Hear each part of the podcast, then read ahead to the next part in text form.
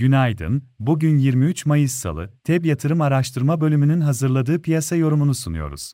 Global piyasaların gündeminde Amerika borç tavanı konusu önemini koruyor, bu konuda henüz anlaşmaya varılamamış olmasının Amerika piyasaları üzerinde olumsuz etkisi hafta başında da sürdü, ancak teknoloji hisselerinde alışların endekslerde düşüşü sınırladığı görüldü. Dow endeksi dün eksi %0.42 geriledi.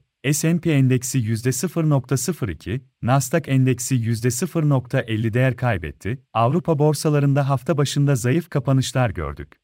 Bu sabah yurt dışı borsaların daha çok toparlanma eğiliminde olduğunu takip ediyoruz. Amerika Başkanı Biden'ın dün borç tavanı konusunda Temsilciler Meclisi Başkanı McCarthy ile yaptığı görüşmede bir anlaşmaya varılamadı, ancak görüşmenin verimli geçtiği, çalışmaların süreceği açıklandı. Amerika ve Avrupa endeksleri güne vadeli tarafta yukarıda başladı. Japonya'da imalat sektörü PMI endeksi Mayıs ayında beklentinin üstünde geldi. Asya borsaları karışık seyir izliyor. Güne başlarken Nikkei endeksi eksi %0.6, Şanghay endeksi eksi %0.5 aşağıda, Kospi endeksi %0.4 yukarıda işlem görüyor. Dolar endeksi yatay, Amerika tahvil faizleri hafta başında yükseldi. Ons altında cuma gününden beri gözlenen toparlanma eğiliminin sonrasında bu sabah satışlar etkili.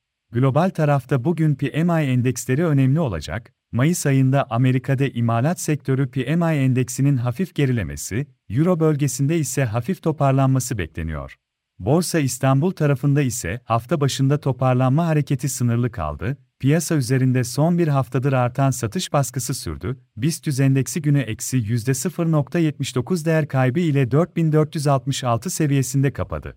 Borsa İstanbul'un bugün güne dünkü kapanış seviyelerinde başlamasını öngörüyoruz. Kısa vadeli göstergeler dikkate alındığında, endekste 4700 ara direnç seviyesine doğru teknik olarak hafta içinde yeni yukarı yönlü ataklar beklenebilir. Bu seviyenin aşılması durumunda kısa vade diğer önemli dirençler 5000 ve 5200 seviyelerinde bulunuyor.